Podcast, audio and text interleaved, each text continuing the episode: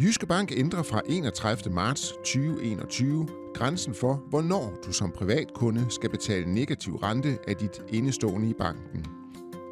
Og så har det også betydning for dig, om du har din nemkonto i Jyske Bank.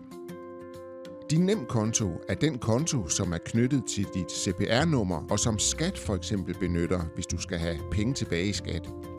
Hvis du har din nemkonto knyttet til din lønkonto i Jyske Bank, kan du have 100.000 kroner stående på kontoen uden at betale negative renter. Du skal betale negative renter af beløb over 100.000 kroner på nemkontoen. Og du skal betale negative renter af hele indlånet på dine andre konti i Jyske Bank. Hvis du ikke har din nemkonto i Jyske Bank, skal du betale negative renter af hele dit indlån på alle dine konti i Jyske Bank. For konti til børn under 18 år og børneopsparinger er grænsen 100.000 kroner for hver enkelt konto. For børn har det ikke betydning, om man har nemkonto i Jyske Bank. Den negative rente er lige nu 0,2 procent, Omregnet til kroner og øre betyder det, at hvis du har 10.000 kroner stående til negativ rente i et år, så skal du betale 20 kroner i rente. Du kan trække den negative rente fra i skat.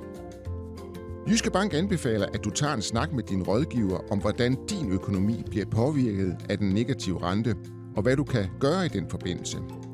Du har flere muligheder, og hvad der er det bedste for dig, afhænger af, hvordan resten af din økonomi ser ud.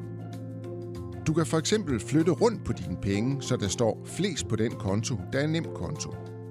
Med en totalkonto kan du samle din daglige økonomi på én konto, uden at miste overblikket.